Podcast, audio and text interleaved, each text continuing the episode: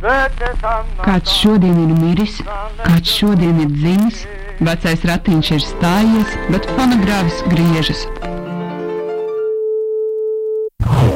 Jūsu mājās katru otro piekdienu, 19.00 Radio Nabērā.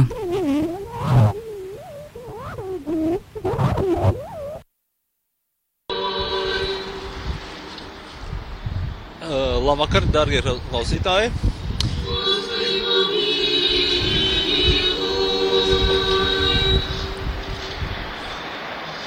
Mēs atrodamies Vitebskā pie vienas no daudzajām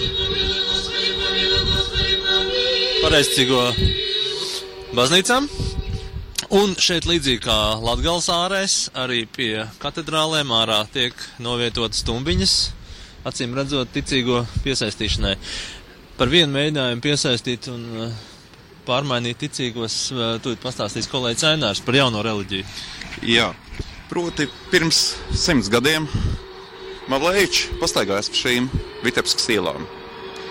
Un uh, viņš rakstīja saviem draugiem uz uh, Maskavu par to, ka viņš nokļuva vietā. Mēs tiešām esam vietā, kurā ir trīs baznīcas, tuvu diezgan vienotrai. Viņš teica, ka šajā vietā viņš saprata, ka ir jāveido šī jaunā supremātistu reliģija, jo vecās baznīcas vēl nav visi sapratuši.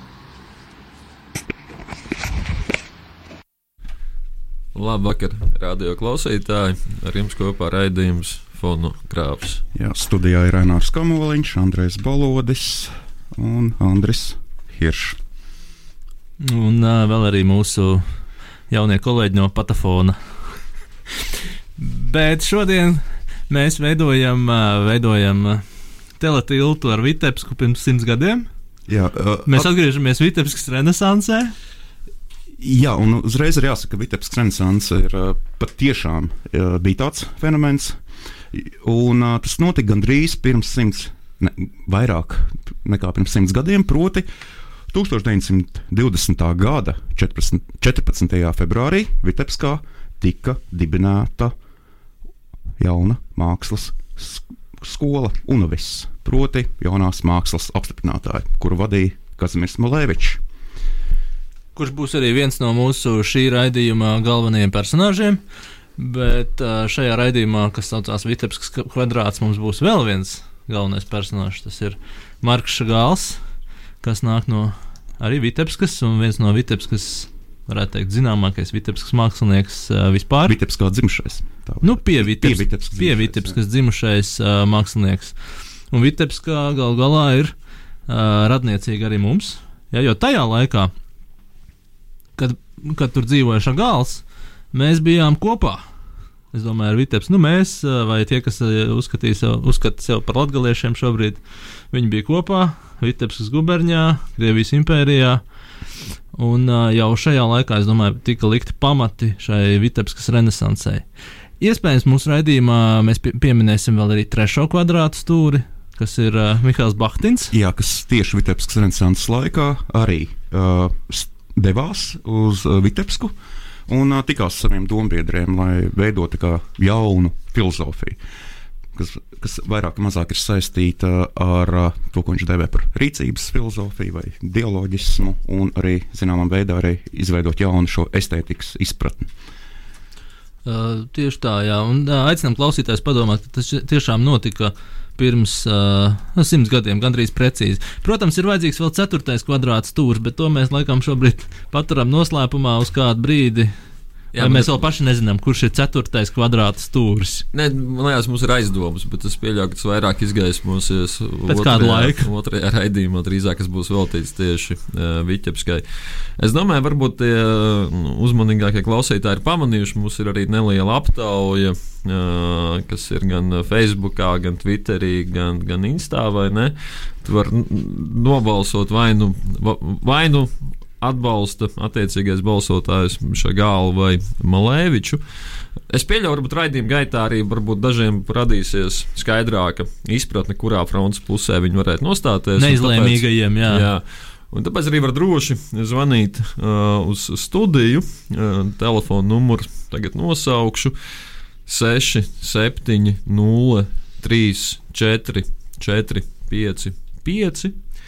Un attiecīgi nobalsot. Un tad uh, raidījuma beigās mēs apkoposim ne, balsojumu datus gan no sociāliem tīkliem, gan ja arī kāds piezvanīs. Jā, mēs ieskaitīsim dubultu balstu tiem, kas piezvanīs uh, un balsos par kādu no vai nu Šagālu vai uh, Kazimieru Malēviču. Jā, es tad varbūt to numuru nosaukšu vēl vienu reizi, varbūt kāds nepaspēja pierakstīt. 6, 7, 0, 3, 4, 4, 5, 5.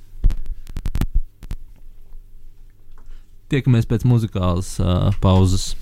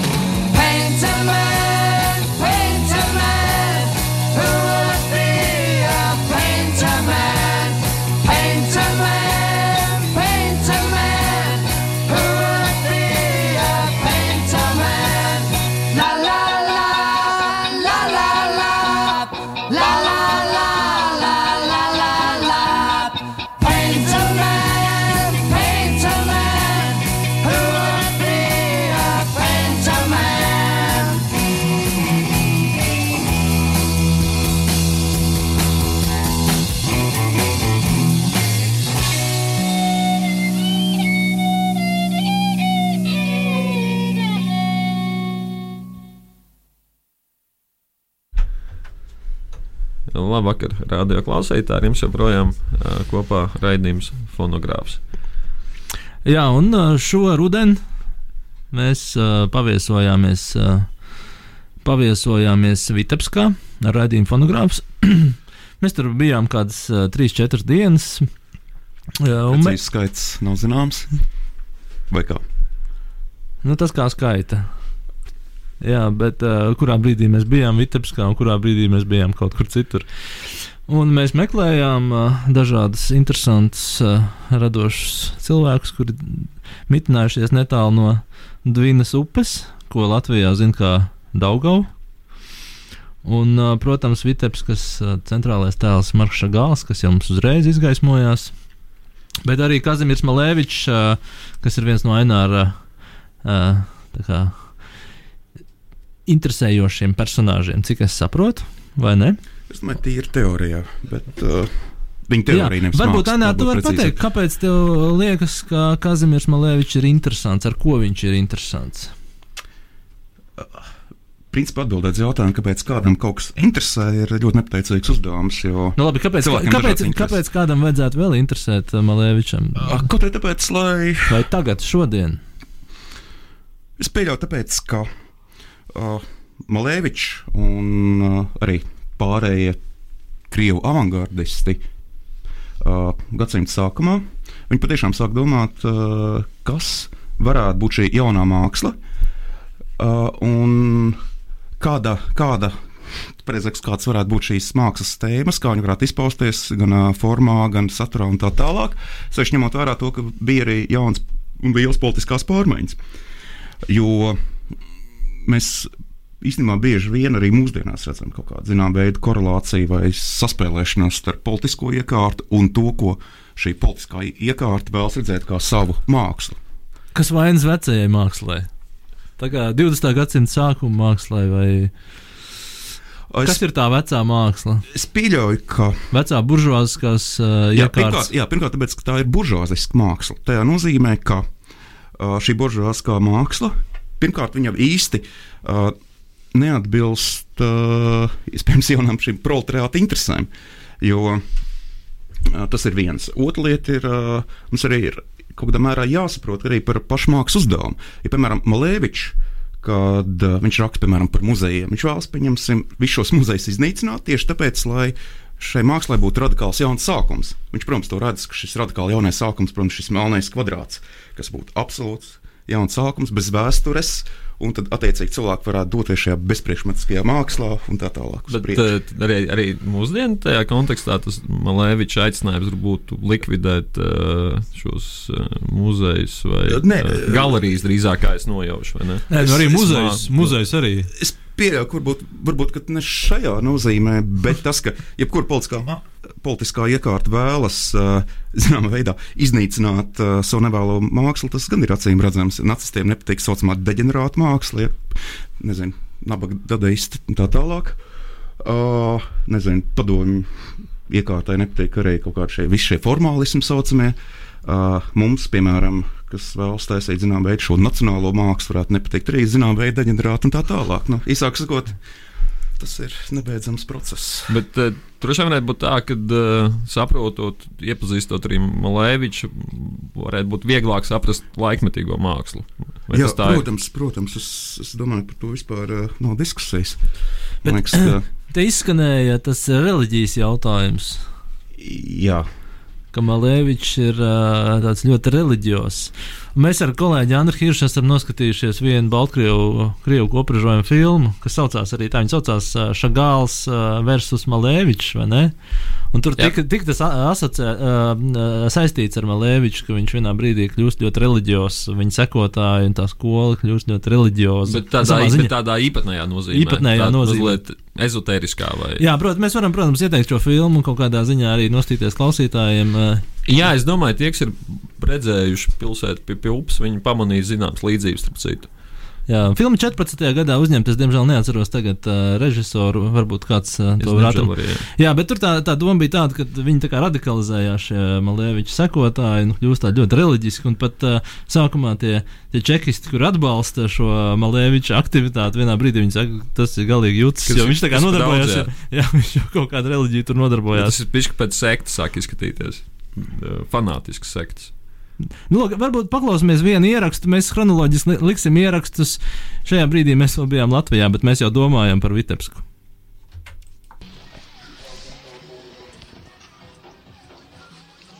Labvakar, darbie klausītāji! Mēs atrodamies uh, piekdienas vakarā. Piekdienas vakarā. Mēs Grāslavā. atrodamies Grāslavā. Šeit notiek balīti, kā mēs redzam pie benzīna tanka. Jā, nereklamēsim benzīna tanka nosaukumu, bet raidījums fonogrāfs uh, grasās pēc, nu, tuvākās pusstundas laikā, stundas laikā šķērsot robežu un ierasties uh, šajā zelta rudenī kartupeļzemē. Ja, nu, paralēli, protams, ka mēs. Un mēs, mēs jau uzdevām jautājumu, kāpēc. Ainēr, es dzirdēju Jā. to jautājumu, kāpēc. Vai, vai ir atbilde uz šo jautājumu? Uh, atbildēji nav jābūt. Bet uh, paskaidrums, kāpēc nav jābūt. Proti, Malēvičs, kurš bija viens no centrālajiem cilvēkiem tā saucamajā Vitebskas renesansē, kas bija no 1917. gada līdz 1921. gadam. Viņš tur ierodas 19. gadā, un viņa pārdomas Vitebskā bija sakojoši. Proti, vai ir iespējams izveidot reliģiju, balstoties supremātismu? proti, suprematisms, tātad ir šīs abstraktās formas, melnais kvadrāts un tā tālāk.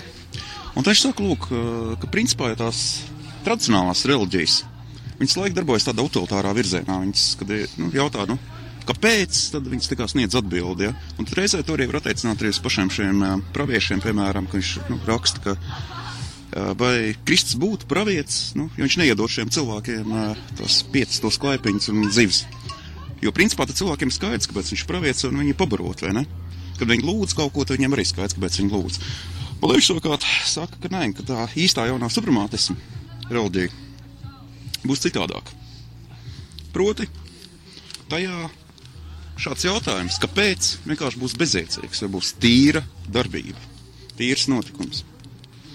Un man ir sajūta, ka brauciens uz Baltkrieviju to pierāda. Īpaši uz Vitebsku. Es nezinu, kāpēc. Mūs nepabaros ar kartupeļiem. Varbūt.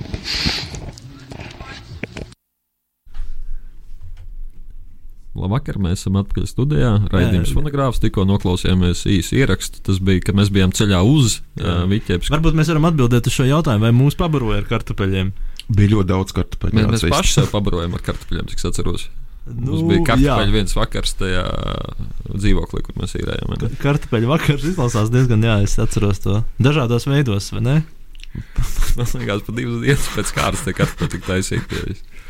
Sabojājot, nu, jā, ja, jūs, liekas, ja jūs esat, jā, un sabojājot vēl dažādas vielīšas, tad vielīšas, pareizi. ja jūs esat Baltkrievijā, jūs, protams, nevarat um, kaut kā izvairīties no kartupeļiem. Protams, ir cilvēkiem kādas problēmas. Jā. Alerģija, piemēram. Bet uh, ne par to ir uh, mūsu stāsts.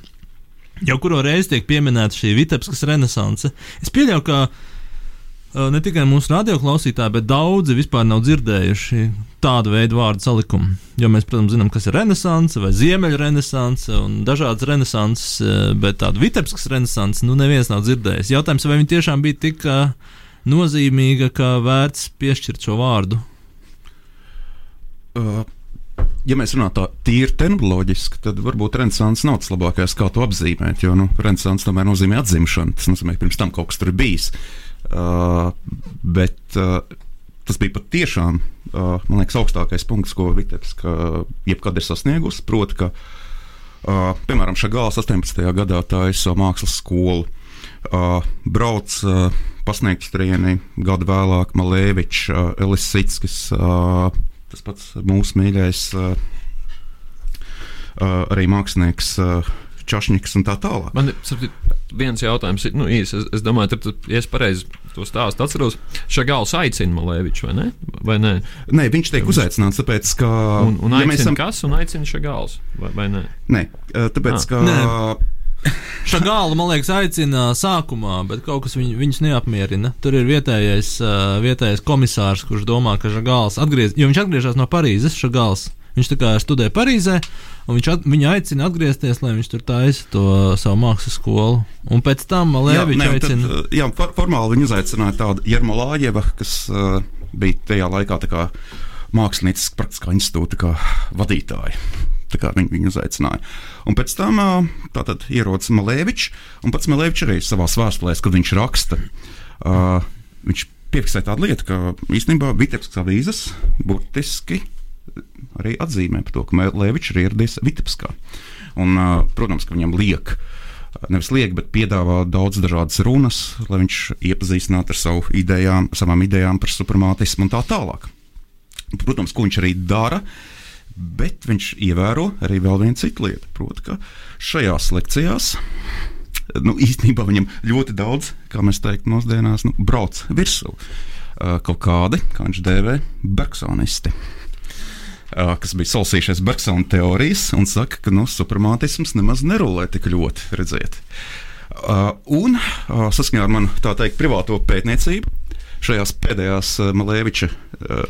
Tātad šajās lekcijās, pēdējās rindās, kas tur sēdēja un tā teikt, ņirgājās par Malēviča teorijām, bija Bahtinieši, proti, Bahtina, krievu filozofa sekotāji, kas bija tajā laikā arī atbraukuši uz Vitebsku paņirgāties par Malēviču un izveidot savas jaunās teorijas. Viņi, viņi tikai tiešām brauc tikai tāpēc, uz turieni, lai Nē. viņi vairāk tā kā nu, taisīja tā teikt, retrītas dažādas. Un tad Vitebskā viņi brauc tieši, kad tur bija Vitebskas renesants, tad viņi taisīja tur retrītas, acīm redzot. Uh, turklāt arī tas, uh, ka uh, viņu uh, šo bahtiniešu teorētiskās intereses principā jau arī saskanēja ar uh, Krievu avangārdu interesēm. Proti, tas bija jautājums par ikdienas uh, filozofiju. Proti, kādā veidā, pieņemsim, uh, māksla uh, uzrādās ikdienā. Ja, tas ir interesanti, jā, tie Bergsonieši. Jo Bahtins, uh, droši vien mums jāpiemina, jāpasaka, kas ir Mihāls Bahtins. Uh, nu, Mihāls Bahtins uh, saistās, nu, varbūt. Uh, Ar karnevāla kultūru un karnevāla lietām, uh, vai ne? Tas ir kaut kāds pirmais moments, bet viņam ir dziļāka teorija apakšā. Plus viņš ir, uh, viņš ir uh, ļoti novērtēts autors arī rietumos. Mūsdienās. Jā, tāpēc, ka viņu, viņu u- uzskata, jā, ka viņš ir kaut kādā ziņā ir darbojies pirms jau fenomenologiem noteiktā veidā līdzīgi. Viņš ir diezgan, ā, runājot par Bergsonu, viņš ir ā, interpretējis un piedāvājis noteiktu veidu argumentus arī pret Bergsonu. Tādā ziņā pārsteidza. Bet ka Bergsonam jau arī bar- bija- Bergsonieši? Bet uh, Bergsonam jau bija sava estētiskā teorija, vai ne? Tāda.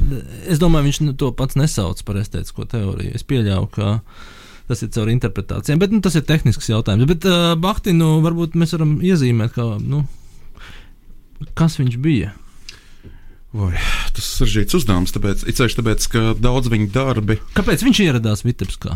Tāpēc, ka viņš tikās ar saviem dombiedriem, lai tieši domātu par estētikas un īstenībā arī valodas problēmām. Jā, par valodas valo- filozofijas valodas, problēmām. valodas filozofijas problēmu. Jā, starp citu, tas ir tas arī, ko viņam piemin, ka, kāpēc viņš ir interesants arī šodien. Nu, jā. un, uh, Maskavas startu skola, starp citu, arī Bahtina novērtē. Man liekas, viņi arī viena no pirmajām, kas viņa tā izcēla. Man liekas, tā pa, pa īsto. Uh, bet, uh, ja runā par uh, pašu Baktiņu, kāpēc viņam varēja interesēt uh, tas, ko dara uh, Malēvičs uh, vai arī vispār tā laika proletārs kā māksla, uh, bija uh, viņa uzskats par uh, to, ko varētu dēvēt par zināmu veidu autora un skatītāja attiecībām. Proti, tāpēc, ka parasti, kā, viņš, kā mēs teiktu, mūsdienās, nevis mūsdienās, bet 20. gados, ka buržāskajā mākslā, kad cilvēks kaut ko skatās, lasa, klausās, viņam ir jāsaprot kaut kas un ir jādabū noteikti veida jēga, ko šis darbs reprezentē. Uh, savukārt šī jaunā māksla, šis jaunais avangards, kas parādās 20. gados, uzstāda pavisam citu problēmu, proti, pāriešanu no šīs jēgas saprašanas uz, aktīv, uz to, ka pats skatītājs ir aktīvs interpretētājs. Proti, ka nav noteikti jēga, ko tu saproti, viena jēga konkrēti. Proti, viņi varbūt tā kā veidojās tajā aktivitātē. Jā, jā, pats, jā, jā jā, vērtētā proti pāriešana no šīs jēgas uz aktivitāti. Šo aktivitāti precīzāk. Nu jā, tas ir, tas ir interesanti, jo Bahtins arī Vitebskā rakstā vai aizsāk rakstīt šo savu vienu no pirmajiem darbiem, kas ir uh, darbības vai uh, rī, pastupaka filozofija. Jā, jā. Pastupka, tas ir uh, darb... Rīcības. Jā, grūti saprast šo krievu vārdu vai precīzi iztulkot latviešu valodā. Jā, jā. Angliski viņi tulko kā aktu vai darbību, bet uh, viņiem nav tā vārda. Jā, jā, bet šajā gadījumā tā būtu drīzāk arī kā interpretācijas. tā kā šeit. Jā, rīkoties pastupiņš ir tā kā rīkoties. Jā, jā, jā.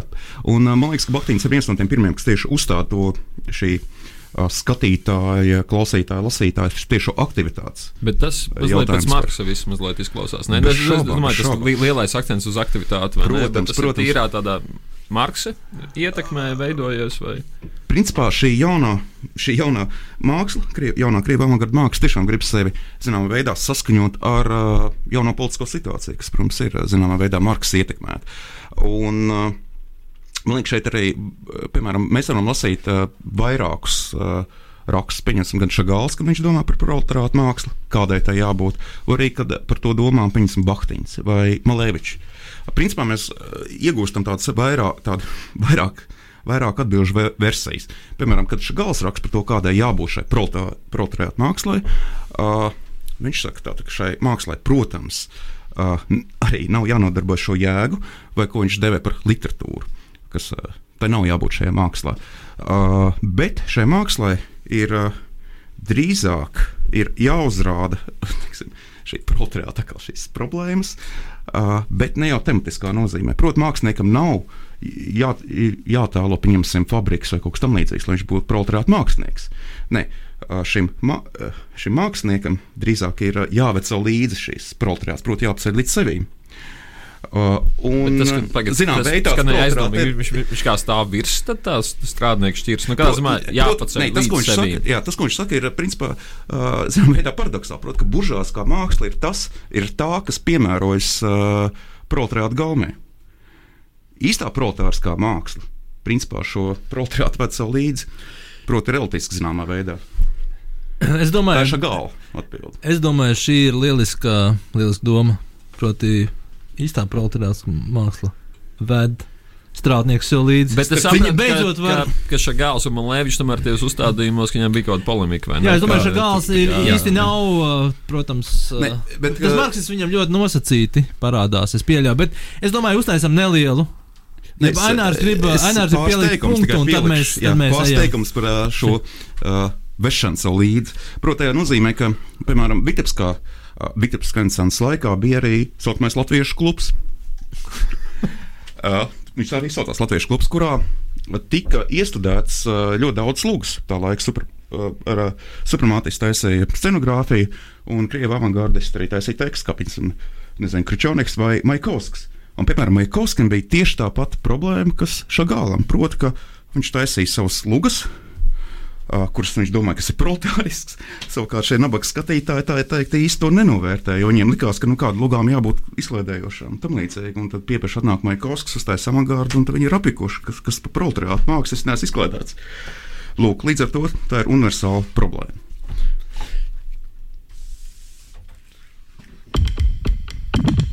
You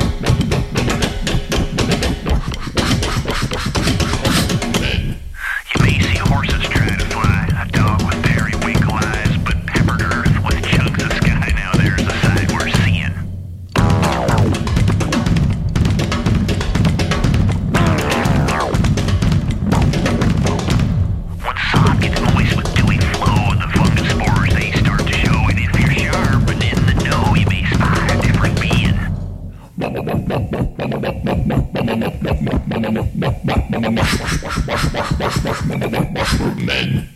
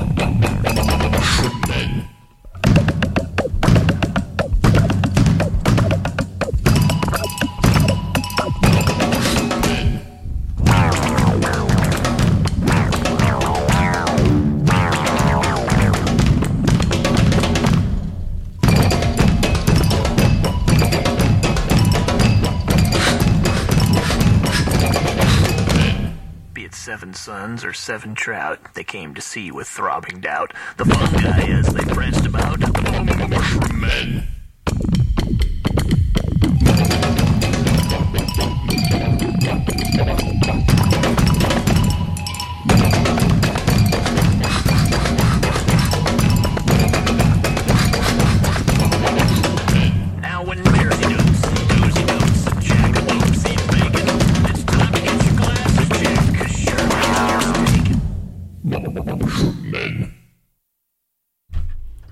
Labvakar, radio klausītāji. Ar jums joprojām kopā raidījums fonogrāfs. Mums joprojām ir stāsts par Viķepsku un uh, attiecībām ar Šagālu un Malēviču.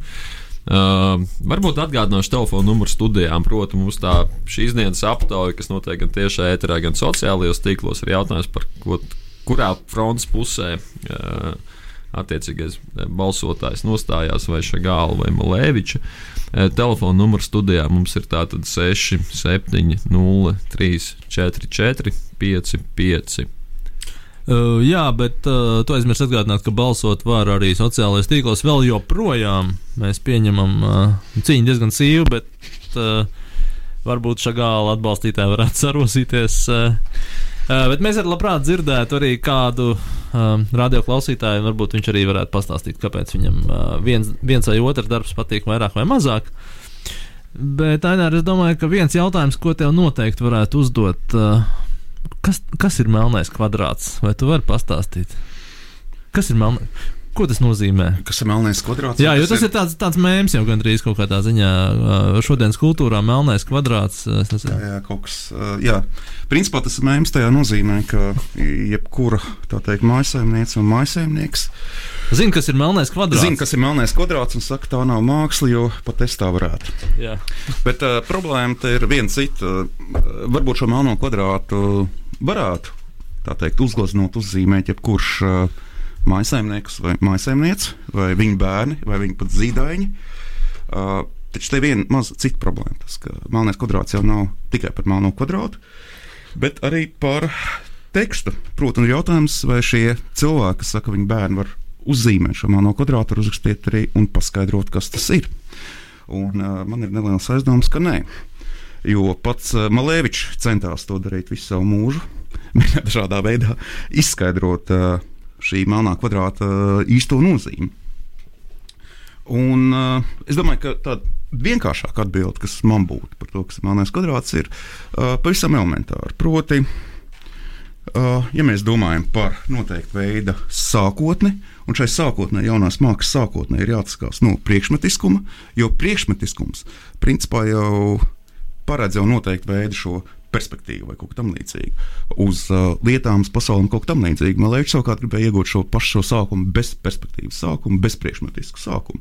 Un viņš iedomājās, ka tas varētu būt melnais kvadrāts.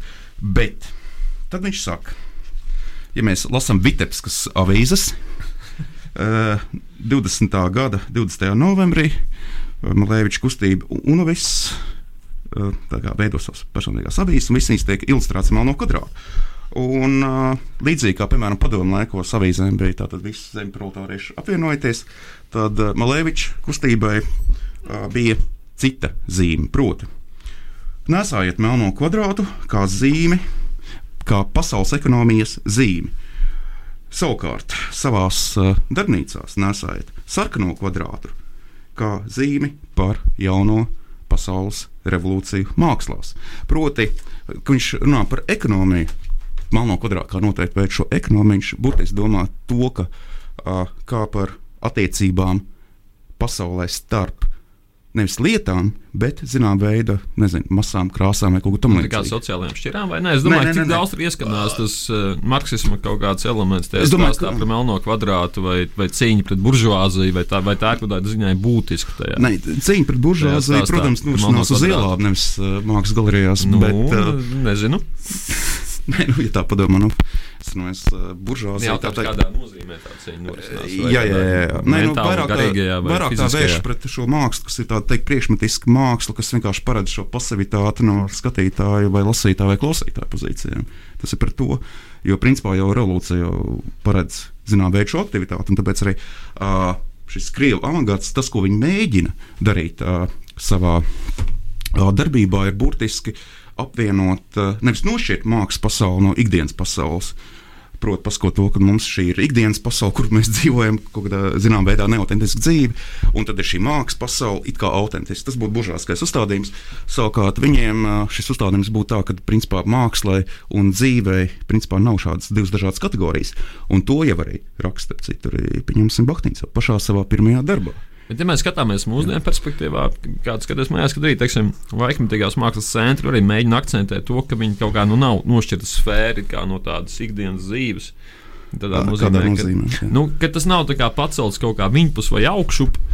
Kad arī nu, tā nosacīti parastie cilvēki iekavās, eh, liekot, tā kā var, var nākt. Un, Bet un viņi priekšmet, bet, aicināti bet un- pēdējā laikā notiek tā priekšmetiskošanas kaut kādā, nu, tā, tas aspekts parādās, jo mūsu viens uh, mākslinieks, ko mēs jau pieminējām, Marks Rotko, kā, kādos raidījumos sezonās iepriekš, arī ir tāds bezpriekšmetiskuma filozofs, uh, mākslinieks arī domātājs. Un, uh, Tā kā Jā, bet, varbūt tas vārds var vienā brīdī iet uz priekšmetiskumu vai uz bezprie, bezpriekšmetiskumu. Arī, bet ļo, ļoti interesanti ir arī šā, šis Vitebs renesanses laikā.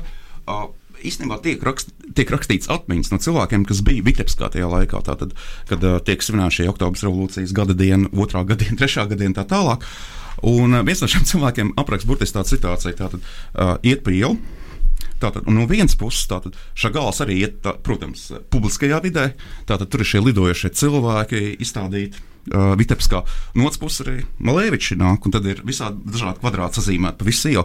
Un uh, apraksts ir tāds, ka principā uh, vietējie iedzīvotāji savukārt saprot, ka kaut kas šeit notiek. Bet viņi to vairāk uz šo situāciju, starp šo gālu, Malēviču, šo jauno avangardu mākslu, vairāk skatās kā uz vētru, kas nu, varbūt pāries drīz. Jā, bet šī ir lieliska epizode, jo arī Šagāls pats apraksta savā autobiogrāfijā, Maņā Žižņā, kur viņš arī apraksta, kā viņš ir izstādījis šos lidojošos cilvēkus. un kā Arī tie cilvēki nesaprot, arī tie komisāri nesaprot, un arī tā visa tā parāda nesaprot, kas notiek. ā, Šajā brīdī tas ir tāds uh, interesants. Jo, Respektīvi, Vitebs kā cilvēki nesaprot, vai viņus aizvelk līdzi. Nē, nu, es, kā es varēju saprast, tur bija tāda zināmā veida piesardzība, drīzāk tā, ka nu, tas pāries. Tātad, lai viņi tur pārdevas, tas pāries.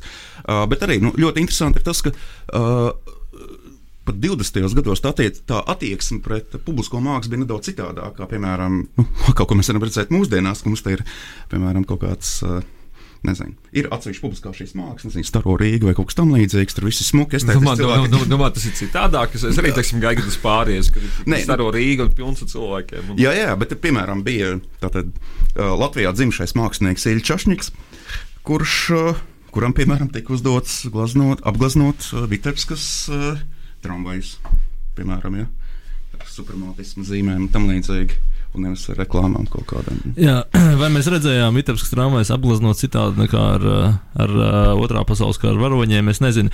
Bet es domāju, ka ir brīdis mazliet. Uh, Mums arī atpūsties studijā. Mēs uzliksim vienu ierakstu, ko mēs. Uh, mums tie ieraksti ir, ko mēs sagaidījām no Vitebiskas. Un īstenībā tas mūs determinēja savā ziņā arī uz Malēnas. Restīvi, Malēnas kvadrāts mūs determinēja.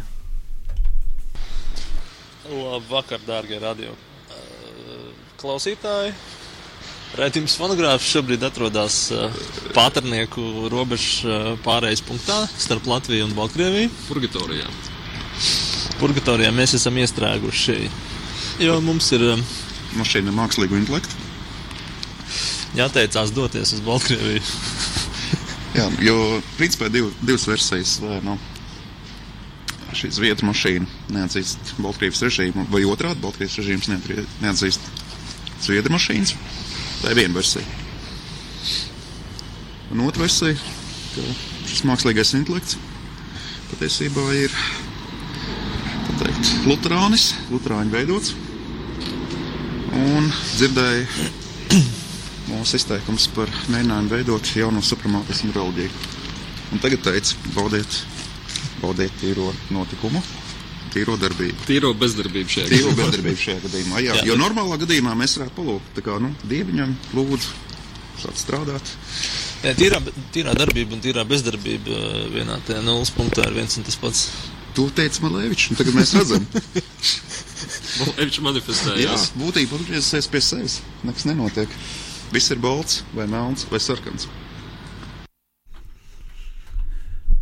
Jā, labvakar, radio klausītājiem. Mums joprojām kopā ēterā raidījums fonogrāfs tikko bija īsts ieraksts no vienas epizodes eh, mūsu ceļojumā uz Viķepsku. Tāds mazliet komplicēts epizodes, proti, mēs iesprūdām uh, muitā, jo uh, mašīnai gluži vienkārši bija nosēdies aķīts, viņa beigās bija jānomaina. Eh, Es pat nezinu, cik, cik stundas mēs pavadījām uz, uz robežas tajā situācijā. Kaut kāds nu, vairāk stundas noteikti. Es teiktu, ka 4-5 mēs pavadījām. Jā, bet jāatzīst, ka. Uh, Ja mēs bijām plānojuši ierasties Vitebskā ap kaut kādiem 11, 10, 11 vakarā mēs ieradāmies 5 uh, no rīta nākamajā dienā. Jā, un tā problēma bija tāda, ka Saķis tā kā eh, nosēdās tiešām uz robežas. Mēs bijām ne īsti Latvijā, ne vēl īsti iekšā Baltkrievijā. Tāpēc arī mēs viņu jā, nu, tāds purgatorijas. Bet, eh, jānovērtē, un nu, droši vien, kad Baltkrievijas muitnieki diez vai mūs klausās, bet, eh, bet Paldies viņam teikt paldies, protams, viņi mums ļoti intensīvi un aktīvi mēģināja palīdzēt risināt šo situāciju. Jā, viņi arī uh, palīdzēja aizbraukt līdz tuvākajai vietai, kur var nopirkt akumulātoru. Aizbrauc, tas bija kaut kādi 30-40 km no robežas, aizbrauc, atbrauc, atveda, ielika. Jā, palaid. Lai gan, jāsaka, godīgi, es eh, saprotu, tā bija tā versija, ka viņi arī nodedzināja to ķīti. Tā bija mana versija.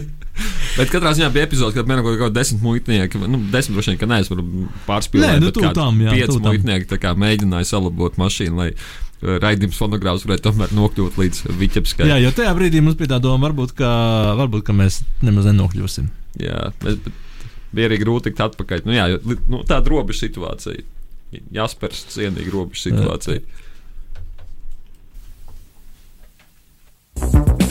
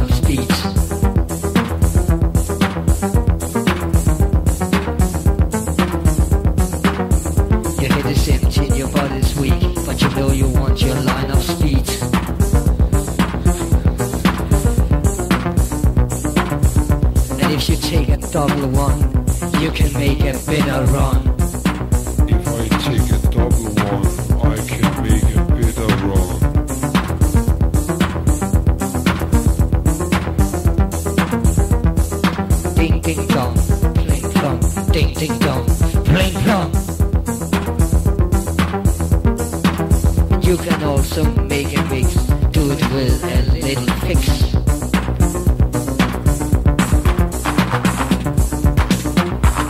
Something's wrong in your head, stop before your head is dead. This is not a funny story, I'm out and out, worry.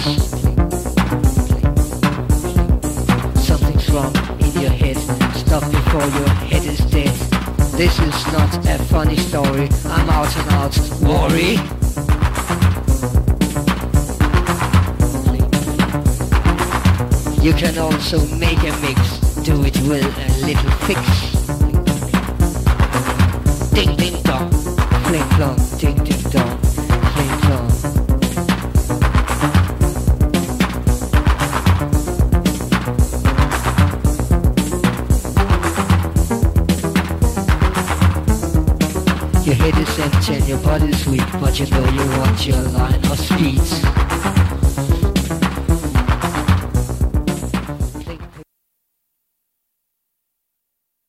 Monodoloģija. 36. paragrāfs. Bet pietiekamajam pamatam jāatrodas arī nejaušajās, jeb fakta patiesībās, proti radību universā, izplatīto lietu secībā, kur izārdīšana līdz atsevišķajiem cēloņiem varētu neierobežot iet līdz sastāvdaļām. Tādēļ, ka dabas lietu dažādība ir milzīga un ķermeņu sadalītība ir bezgalīga. Šā mana raksta darbīgajā cēlonī ir bezgalīgi daudz tagadnes un pagātnes figūru un kustību, un ir bezgalīgi daudz sīku manas dvēseles tagadējo un pagājušo tieksmi un noskaņu, kas ieiet gala mērķī. Jā, mēģināju saprast, kāpēc viņš kaut ko dara. Viņš mēģināja saprast, vai viņš dara, vai viņš rīkojas. Beig, beigās viņš saprata, ka viņš vienkārši dara.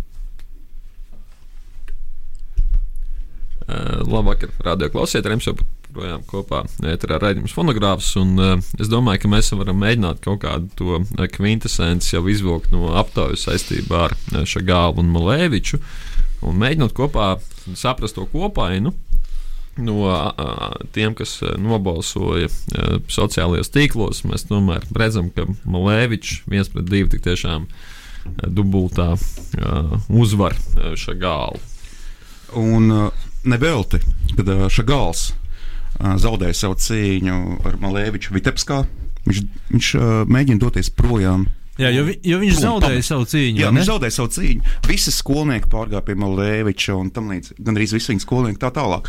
Viņš arī tur uh, raksta par to, ka kāds viņa skolnieks, kas pa pasniedzēja pārmets pienēdniekiem, pēc tam viņu izsmēja, piemēram, jā, par viņu to visām tām lietām. Un tad beig beigās, protams, skumjais Šagāls, viņš raksta savā, savās atmiņās. Nemaz nebrīnītos, ja pēc neilga laika, pēc manas aizbraukšanas, pilsēta iznīcinās visas manas tur esošās pēdas un vispār aizmirsīs par mākslinieku, kurš, pametot otras un krāsas, mocījās, cīnījās, lai veidot šau, šeit mākslu. Sapņoja pārvērst parasts mājas par muzejiem, bet parasts cilvēks par radošiem cilvēkiem. Jā, bet kā mēs redzam, un kā mēs arī to varam apliecināt mūsu radioklausītājiem, tad uh, Vitebskā Šagāls ir uzvarējis. Uh, jā, tagad ir uzvarējis. Tagad ir Šagāls uzvarējis. Malēvičs, melnais kvadrāts, tur ir, tā ir zīme, ko labāk tur nerādīt. Nu, varbūt, jā. Mēs tā kā gājām ar melniem kvadrātiem, mainīt, tu gāji ar melno kvadrātu. Uh, Lai arī es es- ar uh, saviem pirkstiem parādīju kvadrātu. Un Ņemot vērā visu to iepriekš teikto, es tomēr nu, komplicētu pieļauju. Bet, eh, ja, ja mēģinātu kaut kā īsi pateikt, kas ir pamatā Šagāla un Malēviča tā atšķirība. Nu, jo mēs kā minējām, nu, kā ir tas versus, proti, ir konflikts kaut kāda veida, bet, bet kas ir tas nu, Nē, nu, vien- tā konflikta pamatā? ja es domāju, ka viena saprast? lieta ir institucionāls, nu, institucionāls konflikts bez šaubām. Bet, uh, ja mēs to atmetam, tad, protams, ka Šagāls un uh, Malēvičs ir pilnīgi dažādi mākslinieki. Uh, uh, Dažādi, Malēvičs. dažādi mākslas virzieni, vai Jā, bet kas ir ļoti interesanti? Okay. abi divi novatoriski. Bet kas ir ļoti interesanti, īstenībā pat to, tas uzstādījums par to, ka šai mākslai ir jābūt šai ikdienas dzīvē, īstenībā ļoti diezgan līdzīgs. Vienkārši tas, ka uh, Malēvičs vienkārši pasaka, ka šai mākslai ir jābūt tādai supermātiskai, proti, bezpriekšmetiskai, un savukārt Malēvičs saglabā šīs priekšmetiskuma, tā teikt, pazīmes. Ja? Uh, tā ir vienīgā šī forma. Tiešām vienīgais, es domāju, tur ir kaut kāda ideoloģiska arī tomēr tā atšķirība. Ah, es domāju, ka. Es nezinu, es mēģināju skatīties, vai tiešām ir ideoloģija. Es domāju, ka nē. Nav. Ka, ka drīzāk tur ir uh, tiešām institucionāls domāšanas. es domāju, kāpēc Šagāls ir uzvarējis uh, Vitebskā. Tas ir uh, neapšaubām, ja mēs skatāmies, uz, ja mēs skatāmies uz Šagāla darbiem. Ļoti daudz viņa darbi ir, kur tiešām ir tas Vitebskas profils ar tām uh, ka, baznīcām, katedrālēm. Un, Tas ir rietumos, Ņujork- Amerikā un Francijā. nevarēja uztaisīt. Jā, viņš nevarēja. Kā, kā tu atpazīsti melno kvadrātu Vitebskā, vai ne? Nu, tieši tā, jā. tur Melnais kvadrāts ir melnais kvadrāts visur. vitebska, jā. Vai kā dīvaini, vai ne? Jo iznāk, ka Rīgā tomēr Malēvičs uzvar, bet Viķepskā ir uzvarējis Šagāls. Nu, tādā mūsdienu perspektīvā skatoties. Jā, bet es domāju, mums pēdējās uh, desmit minūtes šī raidījuma. Es, mums vajadzētu veltīt vienam ļoti arī būtiskam notikumam, ko mēs darījām uh, Vitebskā un pie Vitebskas. Iespējams, šo tēmu vajadzētu attīstīt kaut kur tālāk. Starp citu, mēs varētu radio klausītājiem pateikt, ka mums ir uh, podkāsts. Mēs varētu pateikt. Jā, mums ir pieejams podkāsts, uh, un jūs to varat klausīties arī savās ierīcēs un atrast Kur ir fonogrāfu. pieejams? Dotajā brīdī, laikam, caur LSM Caur. LSM, jā, un tur ir uh, uh, abolīšu podkāsts un Google podkāsts. Uh, tas ir pieejams. Iespējams, ka mēs attīstīsim varbūt tēmu par kultūras konspirācijas uh, teorijām, bet uh, to mums vajadzētu minēt, jo mēs devāmies uz Šagāla dzimtajām vietām, kur viņš ir dzimis, kas ir netālu no, netālu no Vitebskas. Uh, Vismaz dažāda informācija, kur viņš ir dzimis, bet, uh, bet mēs devāmies uz pilsētu, kas saucās Ļezno, kas ir uh, netālu no Krievijas robežas. Un, uh, varbūt mēs varam noklausīties nelielu ierakstu no turienes, uh, uh, kas bija ļoti. Es nezinu, vai jūs atceraties to vietu. Es atceros, jā. Tu atceries, jā. Mazs ciematiņš ar diviem lievaikaliem. noplūdes vi- diezgan. Kaut? Noplūdes Nu, kur nozīmē? Ar armēņu vēstuli. Tur, tur nebija kur īsti pāriest. Mēs Bija meklējām, meklējām. Jā, kur mēs beigās kaut kā neiegājām. Jā, pašvainīgi. Noklausāmies ierakstu no Lezno.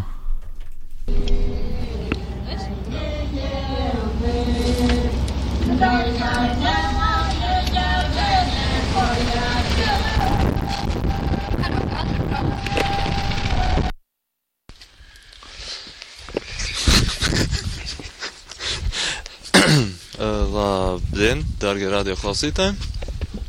Radījums fonogrāfs ir devis, devies um, meklēt mākslinieku pēdas. Mēs esam Marka Šagāla dzimtajā pusē. Viņš arī bija viens no tiem autoriem, kurš no ļoti mazas dīvainas vietas nonāca līdz Parīzei, kā daudzi citi. Mums jau apskatītie domātāji. Mēs atrodamies uh, Baltkrievijā, pilsētā, kas saucas uh, Ljozno. Ļ- Ļezno. Ļezno. Jā. Ļezno. Ļezno, jā. Nu, Svētavots. Pie svētavot, jā, kur šeit var dabūt arī svēta ūdeni. Svētais gāla ūdeni. Šeit ir garš stāsts, par to mēs vēl pavēstīsim tālāk. Cik sarežģīti ir Marka Gāles pēdas šeit vispār identificēt. Jā, ir aizdoms par kultūras darbinieku konspirāciju. Kultūras darbinieku konspirācija Vitebska pret uh, Ļezno. Jā.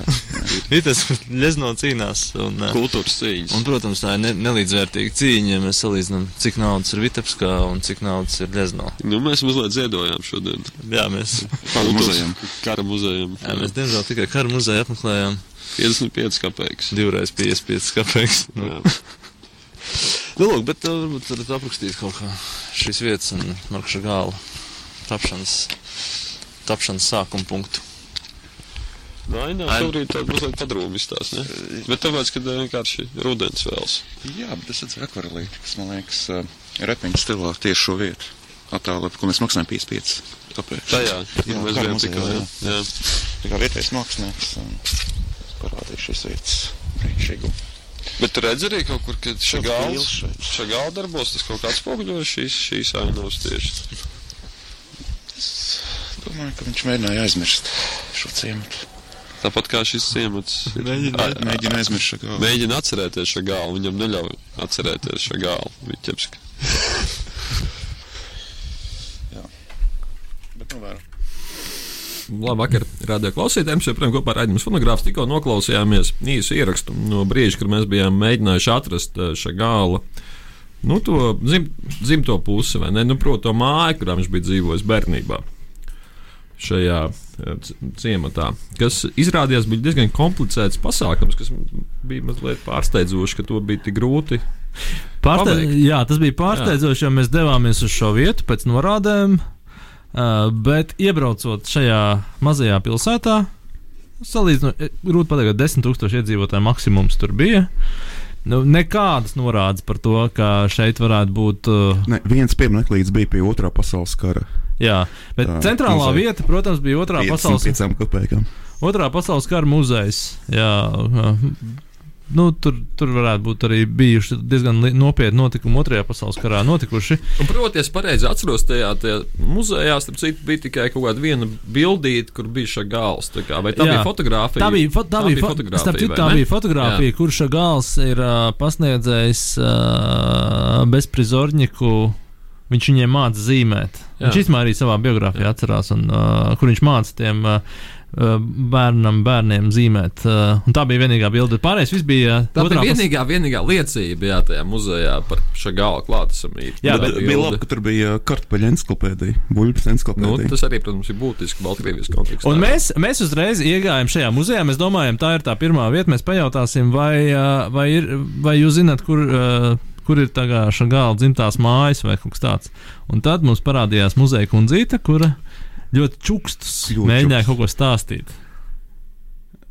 Un viņi stāstīja daudz rādīja ļoti lietas. aptuveni ziemeļu dienvidu, nu, līdzīgi kā skurdienās silmačos, man liekas, viņi dziedāja mums tur. Ja, Protams, lai, lai tu kontekstu la- labāk saprastu, uh, viņi slēdz gaismas iekšā tajās uh, zālēs, kurās mēs gājām. Bet Iekšā, tas pats arī bija to starp tas-.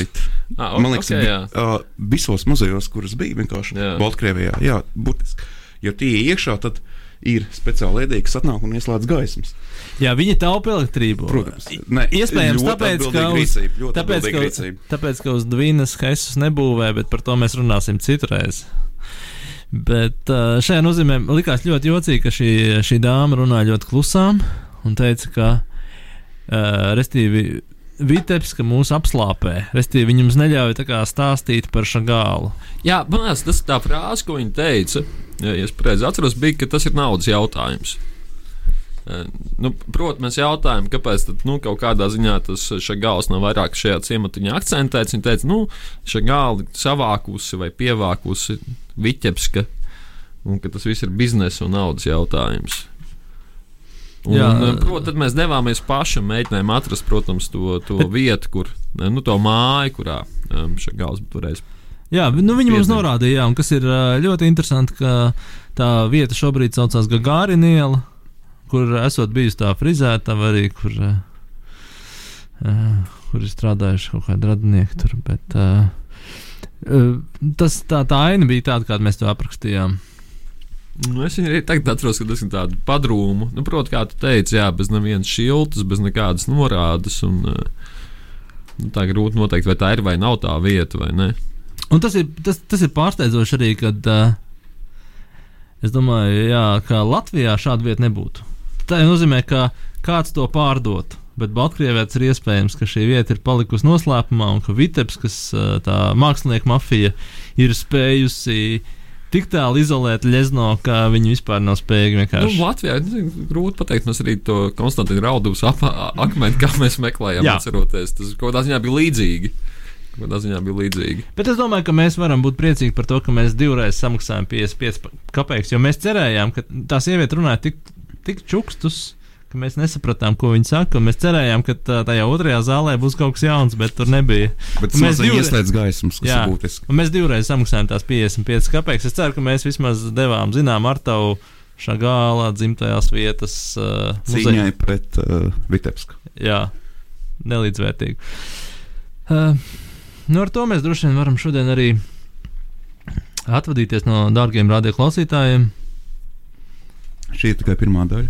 Šī ir tikai pirmā daļa. Mēs vēl apskatīsim Vitebskas pilsoņus. Nu, protams, palika vēl tas ceturtais stūris nenosegts, vai ne? Jo Jā. Kvadrāts ir kvadrāts, un bija arī minēti tie latvieši, kas tajā laikā tur pulcējās. Un, Tad tas ir tas ceturtais stūris. jā, tas būs tas ceturtais stūris, ko mēs mēģināsim vairāk izgaismot. Šī avangarda mākslas fona, ko darīja latvieši. Jā, Rāņa mātes kaps un vēl daudz citu aspektu. Mēs atvadamies ar, ar labu nakti.